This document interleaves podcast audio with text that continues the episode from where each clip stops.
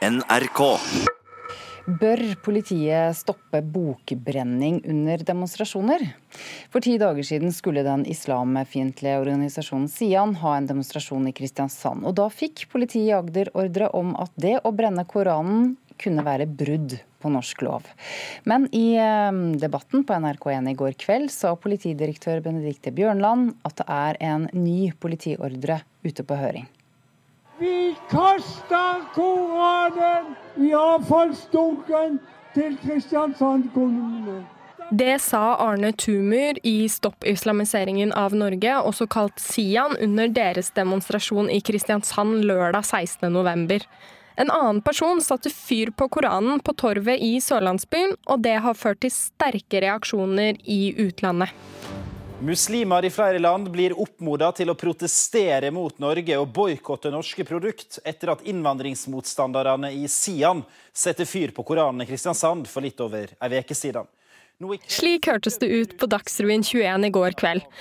I forkant av demonstrasjonen i Kristiansand hadde Politidirektoratet gitt ordre om at det å sette fyr på Koranen i en gitt kontekst kunne være brudd på straffelovens paragraf 185 om hatefulle ytringer. I debatten i går kveld forklarte politidirektør Benedikte Bjørnland at det er en krevende paragraf, og at de fikk mange spørsmål om hvordan denne skulle tolkes. Eh, og Det er eh, derfor vi har revidert ordren. Ikke bare derfor, men også pga. tilbakemeldingene fra mannskapene. For vi har jo ønsket å gjøre dette her lettfattelig gripbart. Mm. Så du har lagd en ny ordre?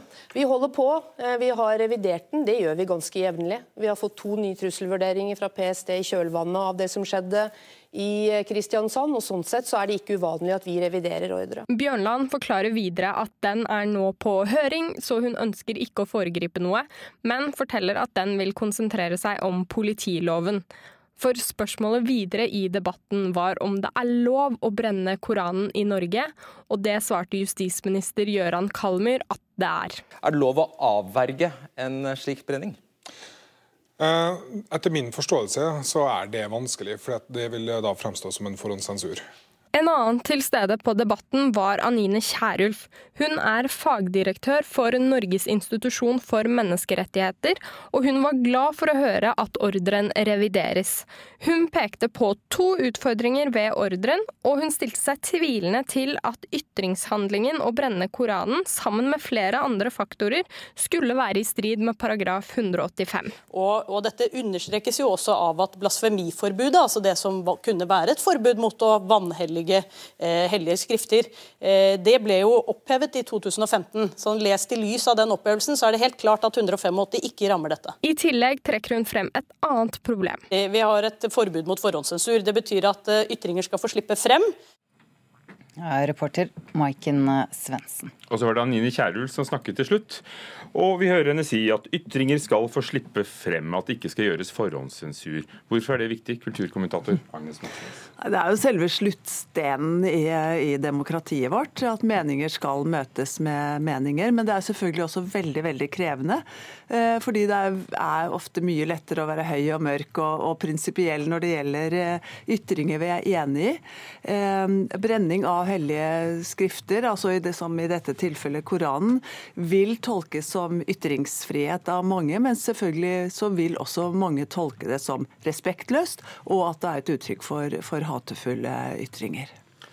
Så hvis ytringsfriheten er den høyeste av flere mulige friheter, er, er det det som er konklusjonen? Ja, det er jo det. og Den har jo også en egen evne til å, å virke, denne ytringsfriheten. Altså Da Koranen ble brent i Kristiansand nå for halvannen uke, så lot jo ikke reaksjonene vente på seg.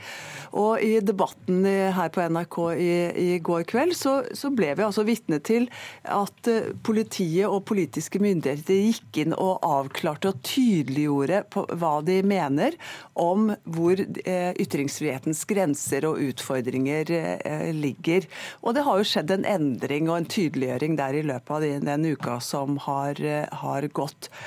Eh, og på, den andre siden så har vi altså da sett norske flagg bli brent i Pakistan. og Det er jo et klart symbolsk mottrekk og et svar på det som skjedde i Kristiansand. Og egentlig også på linje med påtenningen av, av Koranen i Kristiansand. For det var jo et eksemplar av Koranen, en bok, som ble brent eh, i Kristiansand.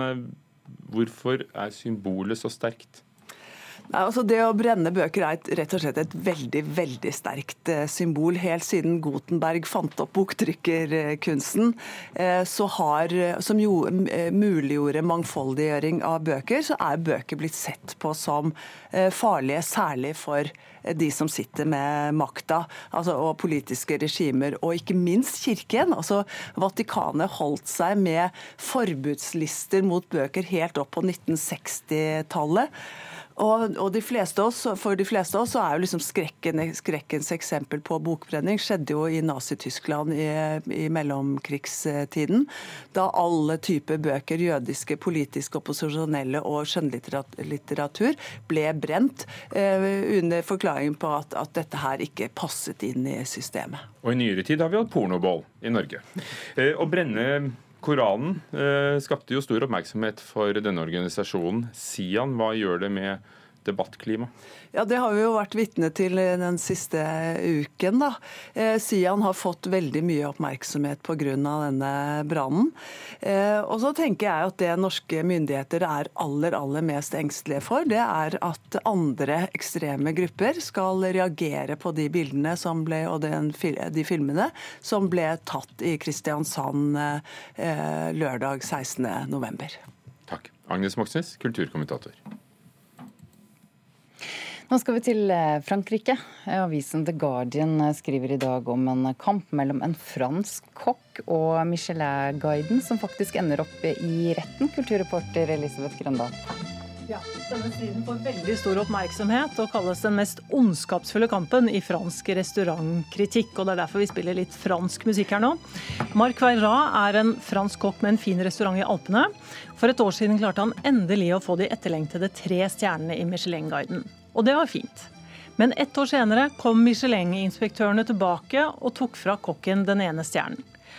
Og det kommer de ikke til å glemme så fort, for da ble det bråk. Han likte ikke det, nei.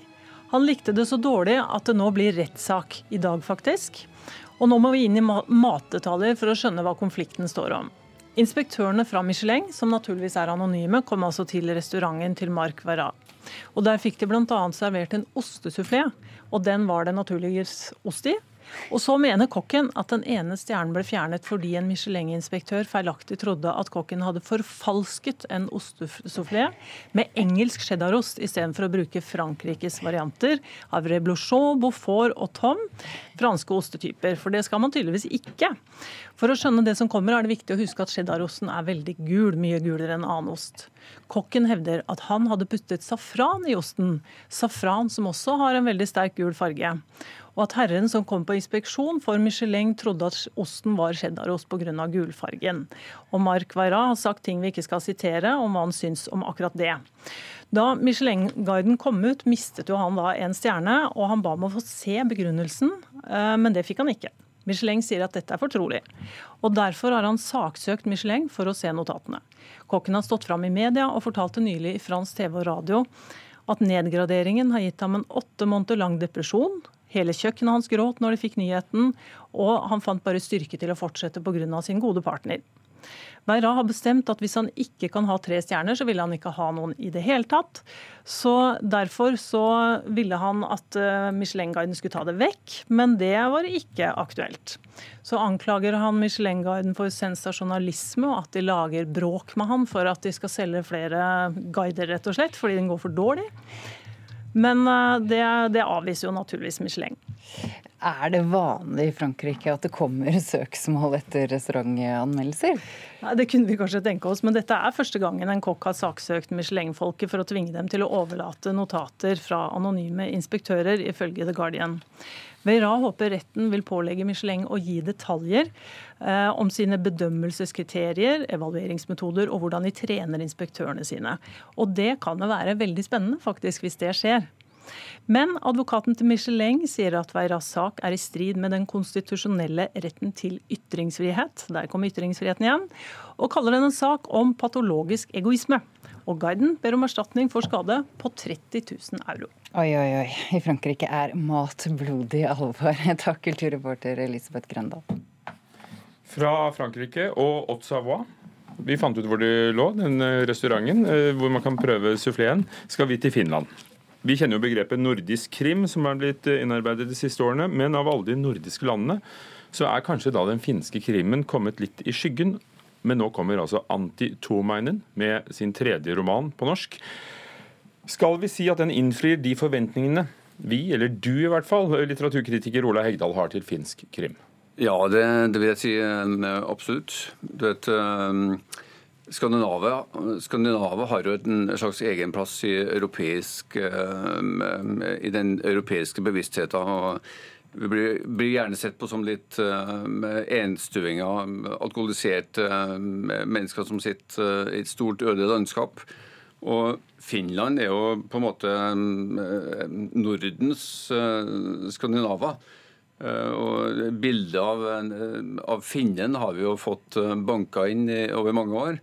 Og Tumainen har klart å lage seg en slags egen nisje i i skandinavisk krim. Her er det tunge depresjoner, eh, mørke skoger og svartsyn, og store mengder med, med dyster humor. Hva, gjør, hva, skjer med hovedpersonen? Altså, kan du tegne bildet for oss? Eh, hva skjer i denne boken? Hva handler den om? Hvem er hovedpersonen? Ja, Hovedpersonen er Jakko, heter han. han eh, da, da, romanen starter, så har Jakko en, en, dårlig dag, for å si det forsiktig. Han eh, er til legen. Han får beskjed om at han er dødssyk, og han har ikke mange dager igjen å leve. Hans indre organer er i oppløsning. Han er sannsynligvis forgifta av en slags plantegift. Og ja, det, det, det, er en veldig dårlig dag for Jakko. Så han går ut i bilen og kjører hjem for å fortelle det triste budskap til sin, til sin kjære kone og medeier i soppfirmaet som han, som han driver.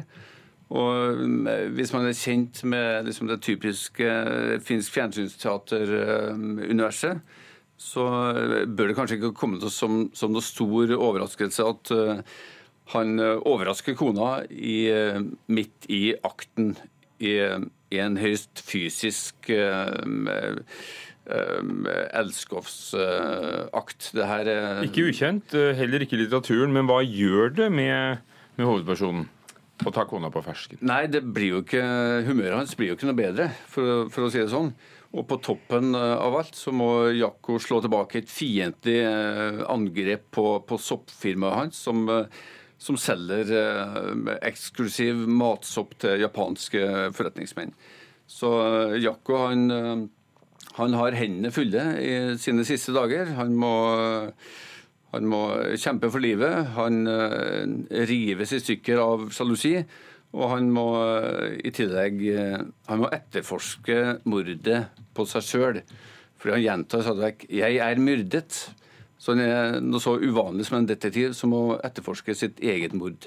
Og her er kanskje tittelen 'Mannen som døde', som altså er den tredje i denne serien til Antti Tomainen på norsk. Eh, hvilke kvaliteter er det Tomainen har i bøkene sine? Tumannen er Han har som sagt altså et eget sånn finsk svartsyn. Iallfall Sånn, sånn som vi i Norge liker å tenke på, på, på, på finner. Det, det, er vanskelig å si om det her er sånn Finland egentlig er, eller om det er bare våre fordommer om Finland som blir bekrefta av de romanene som vi får eh, tilsendt. Uh, Tumannen har jo Som sagt, dette er jo den tredje romanen til, til Anti Tumannen på norsk.